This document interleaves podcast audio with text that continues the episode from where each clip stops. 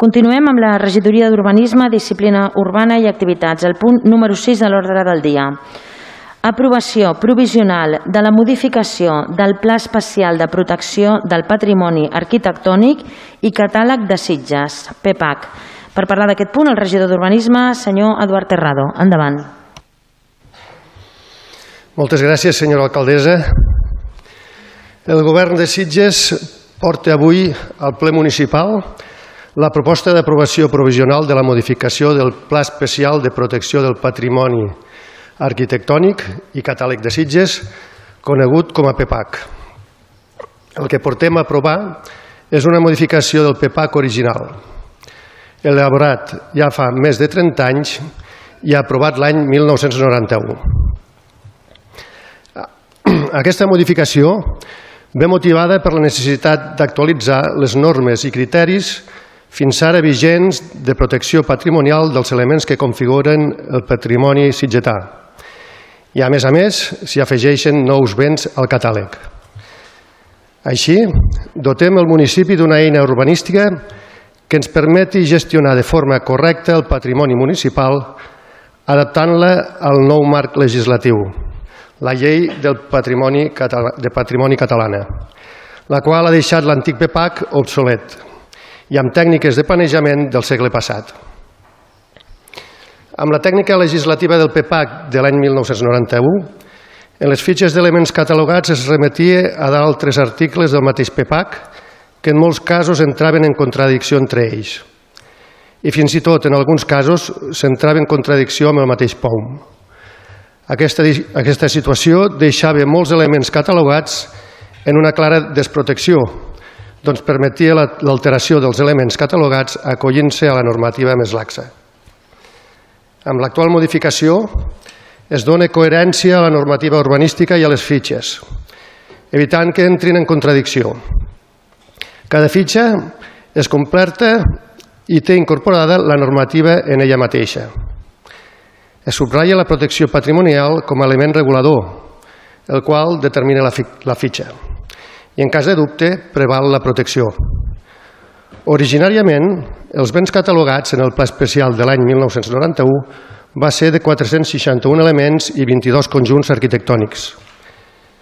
L'any 2017, la Diputació de Barcelona, mitjançant l'atorgament d'una subvenció, va encarregar l'actualització de les fitxes del PEPAC a l'arquitecte vilanoví Josep Maria Pujol, el qual, amb el suport d'altres arquitectes i historiadors locals, va fer un extens treball de camp per revisar els elements catalogats en el PEPAC vigent i, a més a més, va abordar la tasca de no només la creació de noves fitxes d'elements i conjunts arquitectònics no inclosos en el PEPAC del 91, sinó que va proposar també la catalogació de béns naturals, paisatgístics, socioculturals i etnològics. Així, el PEPAC va passar de les 483 fitxes originals del 1991 a 1.072 fitxes l'any 2017, més del doble. Però encara quedava una important tasca a realitzar, dotar de normativa a les fitxes i de coherència el document. Així, l'any 2019, s'encarrega a una reputada historiadora local, Beli Artigas, conjuntament amb d'altres especialistes en catalogacions patrimonials i de solvència contrastada, un segon rastreig d'elements susceptibles de ser catalogats i que no haguessin estat tinguts en compte l'any 2017.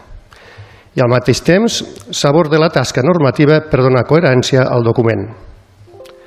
És així que l'any 2021, després d'incorporar 51 nous elements, es va redactar un document final amb 1.123 fitxes de catàleg el qual es va portar a aprovació inicial.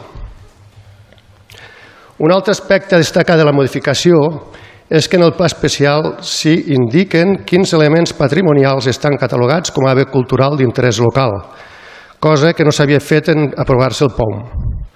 Adaptem així el pla a la nova llei de patrimoni. Estan ara tots els befils declarats com a tals en aquest document i no cal declarar-los cas a cas. Tal com he explicat abans, amb l'actual PEPAC no només cataloguem edificis o conjunts arquitectònics, sinó que es cataloguen també arbres, com l'olivera de Camperico, el pi pinyoner de, Ratpenat, la figuera de Can Lluçà, els roures del Fondo del Tro o l'olivera de la Llevantina, coves i avencs com l'Emili Sabater, dolines com la de Campgràs o la de, del Puig del Martell, biotops com les dunes de la platja de les Sitges, de les botigues, perdó, la platja de les botigues, les posidones de les costes de Sitges o el mateix Cois el peix. També cataloguem entorns fluvials com ara la Riera de Ribes o eh, la mateixa Riera de Vallbona o el riuet de la Falconera. Paisatges com el fondo de les Coves o el fondo de Vallbona o fins i tot les diferents i cadascuna de les platges de Sitges.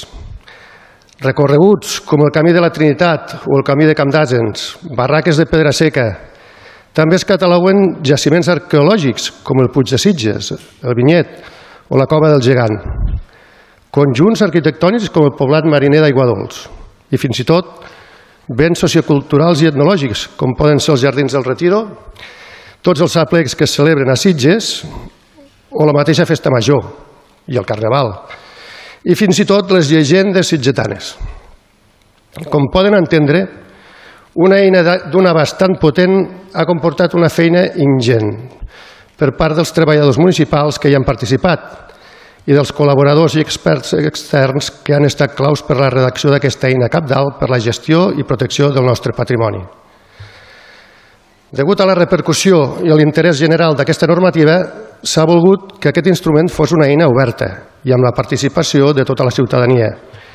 I és per això que s'han estudiat totes les al·legacions presentades més enllà si van centrades dins dels termes legalment establerts o no. Havent-se donat resposta a totes i cada una d'elles, amb la finalitat de respectar la participació i transparència en l'elaboració de la norma. El resultat final ha estat que dues terceres parts de les al·legacions han estat estimades total o parcialment, havent-se desestimat tan sols una tercera part de les mateixes. Per acabar, tan sols em queda demanar el vot favorable de tot el ple a l'aprovació d'aquesta modificació del pla especial i que així aquest pugui ser l'eina que d'ara endavant garanteixi que Sitges conservi la seva essència, que és la clau de l'èxit d'aquest col·lectiu humà que conformem tots plegats. Moltes gràcies, senyora alcaldessa. Moltes gràcies, regidor. Paraules? Senyor Tendero, endavant. Gràcies, alcaldessa. Bé, nosaltres totalment d'acord, el nostre vot serà favorable i només sí que tenim un dubte, que potser és que no l'hem trobat, però en revisar tota la documentació, la densa documentació la fitxa 161, hem trobat que s'autoritza la modificació d'un habitatge, eh, crec recordar aquí al carrer Major, no? Eh, al qual se li permet modificar l'alçada de murs, d'obertures a la via pública. Eh, aquest immoble es tracta d'un immoble en protecció 5, que entenem que és la, la més alta, i ens agradaria saber quin és el motiu, si hi ha alguna al·legació, alguna excepció sobre, sobre aquest immoble.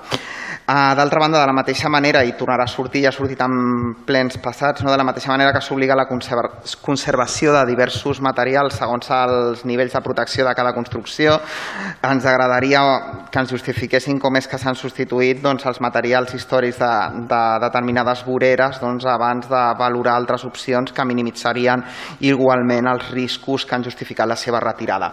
I per acabar, doncs, agrair i felicitar tota la tasca feta, tota la feina als tècnics administratius, caps de departament que han fet possible aquesta modificació del, del PPAC. Gràcies, alcaldessa. Moltes gràcies. Senyora Gasulla, endavant. Sí, moltes gràcies. Doncs avui és un dia important per a Sitges que veu com després de molts anys, masses, diria jo, podem procedir a l'aprovació provisional del PPAC. Un projecte extraordinari, senyor Terrado, que ha comportat per part de l'equip redactor una tasca feixuga, intensa i extraordinària per la seva transcendència i que portava esperant des de feia massa temps la seva aprovació. Des del 2017 que el PPAC estava en procés. I avui, com deia, per fi el podem tenir, encara que eh, estigui pendent de la seva aprovació definitiva a la Comissió d'Urbanisme del Penedès. Que així que d'entrada volem felicitar a tot l'equip redactor i als treballadors de, eh, de la casa tota la feina feta i com no els col·laboradors que han participat. El document encarregat havia d'adaptar els criteris, com ha dit el regidor, vigents a la millora i preservació del patrimoni arquitectònic, arqueològic, ambiental, natural i sociològic del municipi de Sitges. S'ha de dir que des de la seva aprovació inicial al juny del 2021 pel Junta de Govern local fins avui han passat alguns esdeveniments importants. D'entrada, la preceptiva obertura del període de delegacions, que avui es resolen a l'informe proposta al ple, però a més a més dos fets importants. El fet de que s'hagi declarat eh, bé cultural d'interès nacional en categoria del conjunt històric les casetes de la platja del Garraf, incloses a les fitxes del present PAPAC, la qual cosa és una grandíssima notícia de la qual ens, ens felicitem. També que en data 25 de febrer del 2022 els Ports de la Generalitat dona trasllat de la resolució que s'otorga a la societat Port Aigua Dols d'una pròrroga excepcional de 19 anys de la concessió administrativa de Canès titular, en el que està inclòs també el poblat mariner, la qual cosa el nostre grup ni entén ni comparteix perquè creiem que és una pròrroga excessiva i no podem estar d'acord amb aquest aquest model de concessió. És més, creiem que estem pendent, perdent una gran oportunitat. Al mateix temps, podem dir que de la, del mateix podríem dir de la zona de Vallcarca, de la qual no sabem què en vol fer encara l'Ajuntament. Sabem, a més a més, que està catalogada la ximenea, els forts, que s'inclouen dins d'aquest catàleg de béns protegits arquitectònics en aquesta modificació. Per nosaltres un espai que és estratègicament molt important i que no podem deixar perdre en projectes insostenibles. Però anem a la proposta en si mateixa. El, la modificació del PEPAC, aprovada inicialment, resol aquestes al·legacions presentades en l'àmbit arquitectònic, especialment especialment sota criteris de gènere i homogeneïtat en diversos arguments tècnics. Simultàniament es va procedir a la suspensió de llicències durant dos anys, entre altres motius per evitar l'especulació en el centre històric de Sitges, que compromet la salvaguarda del seu patrimoni, això és el que deia l'argumentació. El que passa és que la Secretaria General, en el seu informe, que va anar en aquesta documentació al ple, ja diu que la suspensió de llicències finalitza al juny del 2022 i no serà possible aplicar l'acord 6 i 7 de la proposta que avui porten i que, per tant, doncs evidentment tenim un problema, perquè ja han passat els dos anys i volem saber què passarà quan s'aixequi aquesta suspensió de les llicències. I mentre no s'aprova definitivament la modificació del PEPAC, els propietaris podran construir i reformar seguint la normativa antiga o la nova? Aquells que ho facin, segons la normativa vigent, hauran de fer modificacions un cop s'incorpori la nova, perquè això ja ha passat i ha costat molts diners a alguns propietaris. Vull comentar les queixes d'alguns propietaris que porten molt de temps esperant saber què han de fer, donat que alguns d'ells van pagar religiosament per una llicència d'obres que no els ha servit de res, perquè s'han d'adaptar a una nova normativa. A banda d'aquests dubtes, el PEPA per a nosaltres és una eina fonamental per a qualsevol població i molt especialment per Sitges, perquè tenim una vila amb un patrimoni arquitectònic, cultural, arqueològic, paisatgístic i natural extraordinari. I avui més que mai ens hem de sentir orgulloses del nostre entorn, encara que potser no tant de com es troben molts elements i molts indrets catalogats, tals com es pot llegir a les fitxes del catàleg, molt especialment dins de l'àmbit natural i paisatgístic. I nosaltres avui volem posar especial èmfasi en aquest punt, perquè és dins d'aquesta nova catalogació on es troben moltes respostes a per què de la necessitat de preservar patrimoni natural i de manera molt especial les nostres platges i les nostres costes. La immensa i meravellosa feina feta pels autors del catàleg, alguns milanovins, per exemple, també el senyor Mercè, en l'àmbit biològic, posa al descobert la grandesa del nostre patrimoni de béns naturals que malauradament no sempre es troben en les millors condicions. Parlem de la cala dels gegants, de la planxa de l'home mort, per exemple, indrets catalogats amb un estat de conservació dolent per la constant presència d'activitat humana. Parlem del camí de la costa, dels colls i miralpells, també mal estat de conservació per un ús inadequat de l'espai. Parlem també de l'enorme quantitat de barraques de pedra seca que té Sitges, però moltes d'elles en perill d'ensorrament per la pèssima conservació. Jo avui em vull referir de manera molt especial al nostre patrimoni natural marí. Les fitxes ens parlen dels biòtops dels colls de Miralpeig, fonamentals per a la conservació dels fons marí i per extensió en la qualitat de les aigües costaneres, però en risc de desaparició per la freqüentació incontrolada de l'espai i la proliferació de deixelles, entre altres causes, tal com explica la fitxa corresponent. També podem dir el mateix de les posidònies de les costes de Sitges, vitals per l'ecosistema marí, però amb un estat de conservació molt dolent perquè estan afectades i de quina manera pels sistemes artificials de regeneració de les platges que comporta, tal i com diuen les fitxes fetes per aspects, la destrucció de les comunitats comunitats on s'ha estret sorra, com també expliquen que l'estat de conservació de les platges és dolent precisament per les obres d'enginyeria que tendeixen a produir alteracions en els corrents marítims que comporten molts problemes d'erosió. Quan més s'edifica, més s'intervé i, per tant, més s'erosiona. Continuarem la següent intervenció. Moltes sí. gràcies. Molt bé, moltes gràcies. Senyora Gallardo, endavant. Gràcies, alcaldessa. Molt bona tarda a tothom. Bé, per nosaltres, evidentment, des de, des de Junts per Sitges eh, reiterem que és fonamental i que és clau que tot poble, tota ciutat i especialment una vila, un municipi com el nostre tingui un, un PPAC i que puguem, per tant, doncs, protegir el nostre patrimoni en totes les seves vessants que, que el regidor Terrado ha anat citant en la seva argumentació en la presentació d'aquesta d'aquesta proposta, d'aquest dictamen d'avui. Però mirin, nosaltres um, creiem que tampoc tenim tants excessius motius per, per felicitar-nos. És evident que sí que ens cal un PPAC, però creiem que vostès això no ho han fet bé i no poden parlar ni de transparència ni de participació en l'elaboració del PPAC. No hi ha hagut participació. Vostès han decidit i han determinat un seguit d'experts de, que han fet la feina, però jo crec que també tenen el deure d'explicar-se com és possible que un govern que ha tingut continuïtat amb, amb comissions vinculades a les persones, la Comissió de Cultura, la, la Comissió Municipal de Cultura, d'Esports, de, de les persones, per què no una comissió de territori o de patrimoni, o com vostès la vulguin batejar, que hagués pogut tenir veu i encarregar-se de fer de prescriptora i encarregar-se de fer de pedagogia d'aquest PEPAC. Mirin, si vostès haguessin fet també aquesta feina, jo crec que no haurien d'haver lamentat haver de resoldre tantíssimes al·legacions. I si vostès han tingut tantíssimes al·legacions a, a aquest PEPAC és perquè no s'havia fet bé la feina prèvia, perquè no s'havia fet un procés de participació i un procés de consulta amb les persones que coneixen especialment eh, el nostre patrimoni des de qualsevol de les vessants en aquest municipi i no ens diguin que han resolt les al·legacions i que això és un, és un motiu de transparència perquè això és una qüestió que els hi marca la llei i que és normativa.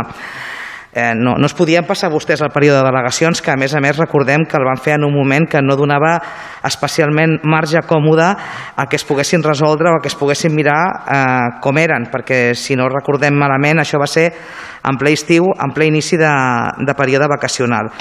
Per tant, nosaltres no estem contents de com, de com s'ha treballat eh, aquest PEPAC i, evidentment, de tota la relació de, de qüestions que vostè ha repassat, no? tot i que entenem que és molt bona notícia que els vecins i els vecins estiguin contemplats, faltaria més, creiem que qüestions que estan a l'opinió pública i al carrer, com és el patrimoni del terra que trepitgem, de les nostres voreres, de la fesonomia especialment del casc antic, vostès no l'han contemplat de, de cap manera i aquesta per nosaltres no és evidentment una qüestió menor.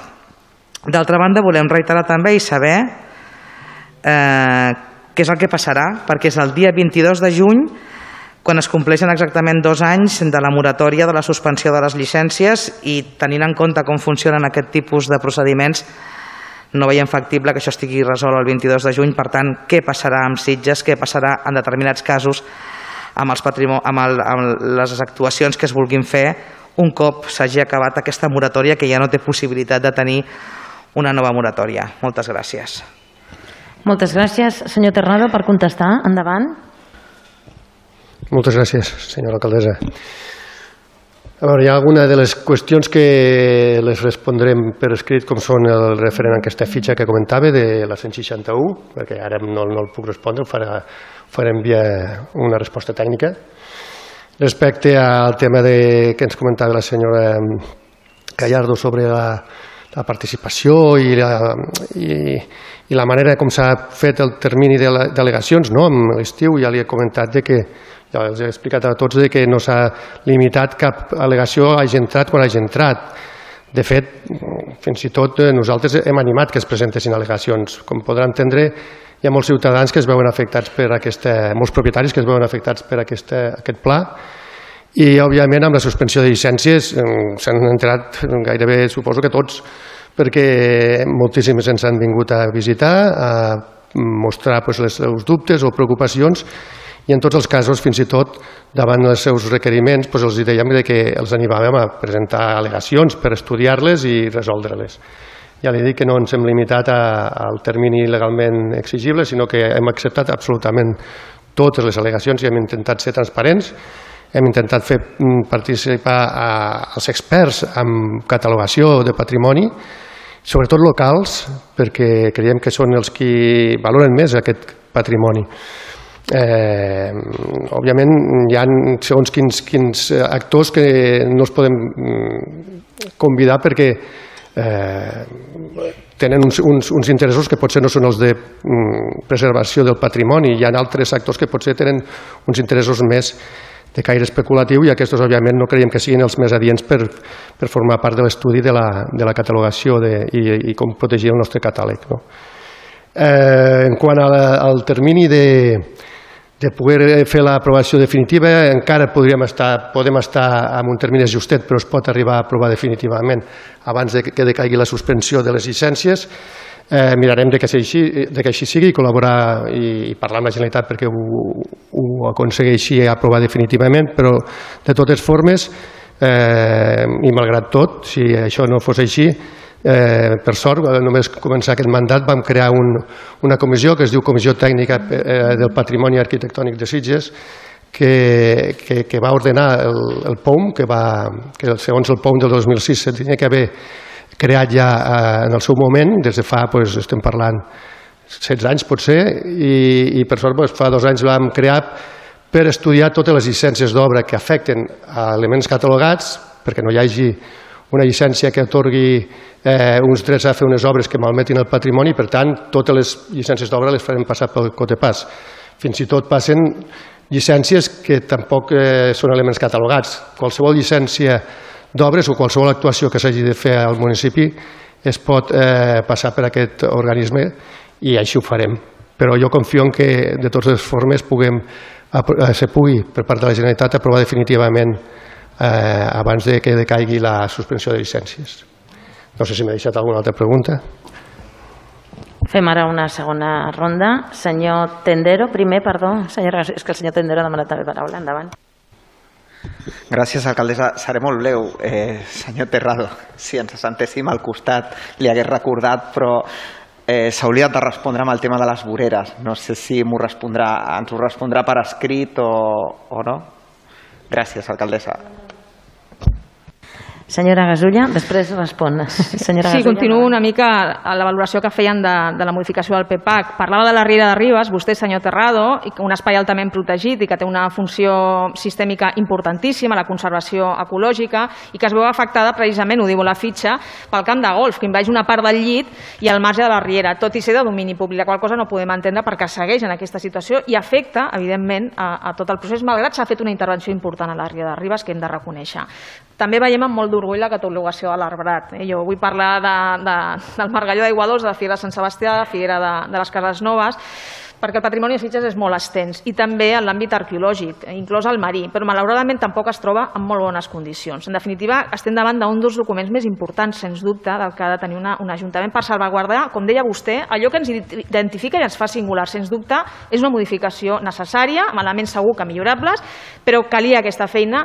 Igualment, també hem de ser molt responsables, ja que penso que és el missatge que hem de llançar, vers el patrimoni perquè no es malmeti més del que està. I aquí les administracions tenen una feina importantíssima.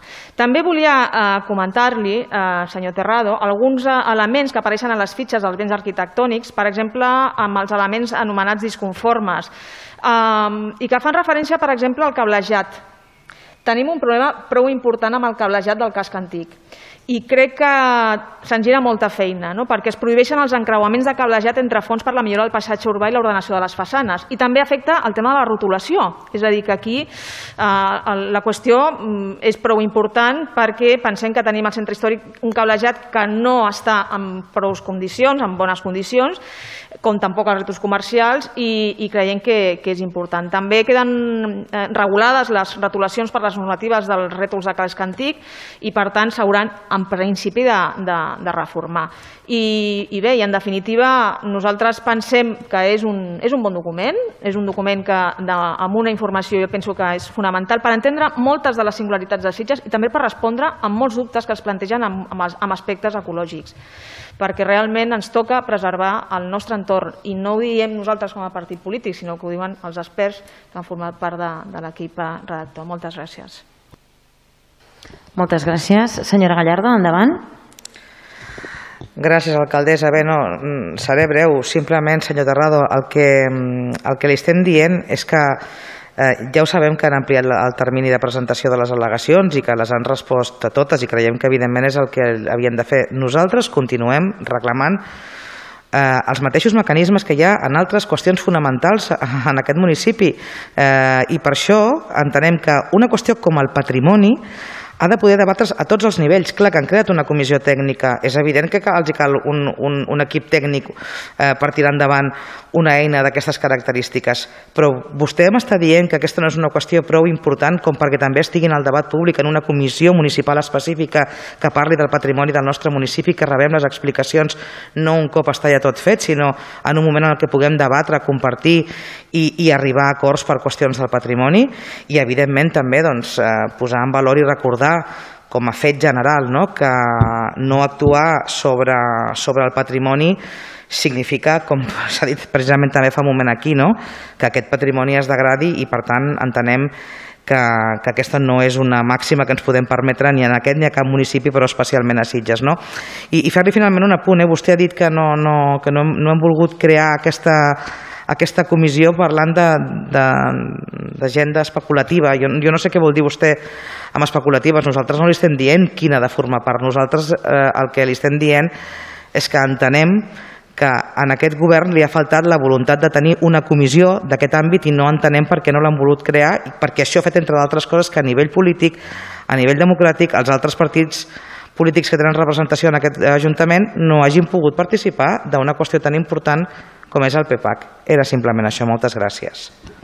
Moltes gràcies, senyor Terrado, per respondre endavant. Moltes gràcies, senyora alcaldessa. El senyor Tendero, eh, el tema de les voreres, si cas ja li farem una resposta més tècnica eh, i li respondrem juntament amb l'altra consulta que ens ha fet.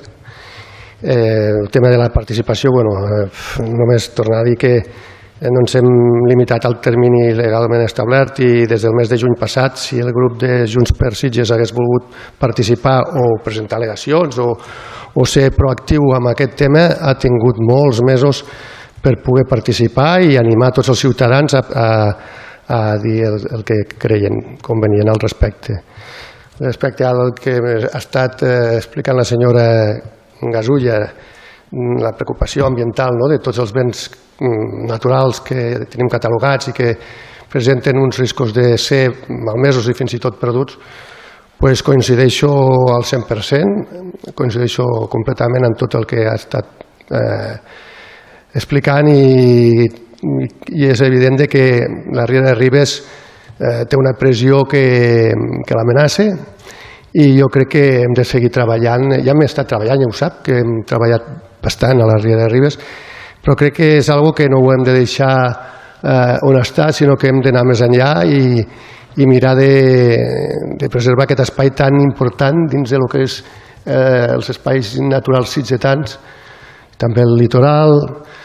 Respecte a les façanes i els cablejats també, és veritat, és un problema, és un problema greu que afecta eh, l'aspecte dels béns catalogats i crec que s'hauria de fer pues, pel que, pel que m'expliquen, ja s'està pues, treballant a nivell de, de govern espanyol per mirar de posar un indicador a aquest problema que és a nivell de totes les ciutats d'aquest país en què les companyies eh, de telecomunicacions allà on arriben instal·len cablejats sense, sense cap mena d'impunitat. També deu ser difícil mirar d'ubicar aquest cablejat eh, sense que sigui visible, no sé, és un tema que hem de treballar també i té raó, té raó, és un tema que tenim pendent que hem de fer amb aquest cablejat que, que malmet tant les, les façanes. Eh, bueno, jo crec que té, té tota la raó en què hem de seguir treballant i aprofundir més en aquests aspectes que ens ha comentat que, que afecten el nostre patrimoni tant natural com arquitectònic. Moltes gràcies, senyora alcaldessa. Moltes gràcies. Doncs passarem ja a la votació, no sense abans, tal com han dit molts de vostès. Eh? Agraïm moltíssim la feina que han fet tant els externs com sobretot els interns, el Departament d'Urbanisme i tots els tècnics que en formen part per estar tant de temps treballant en, en, per la finalització d'aquest PEPAC.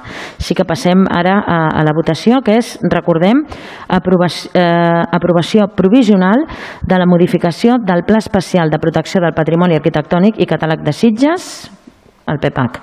Vots a favor?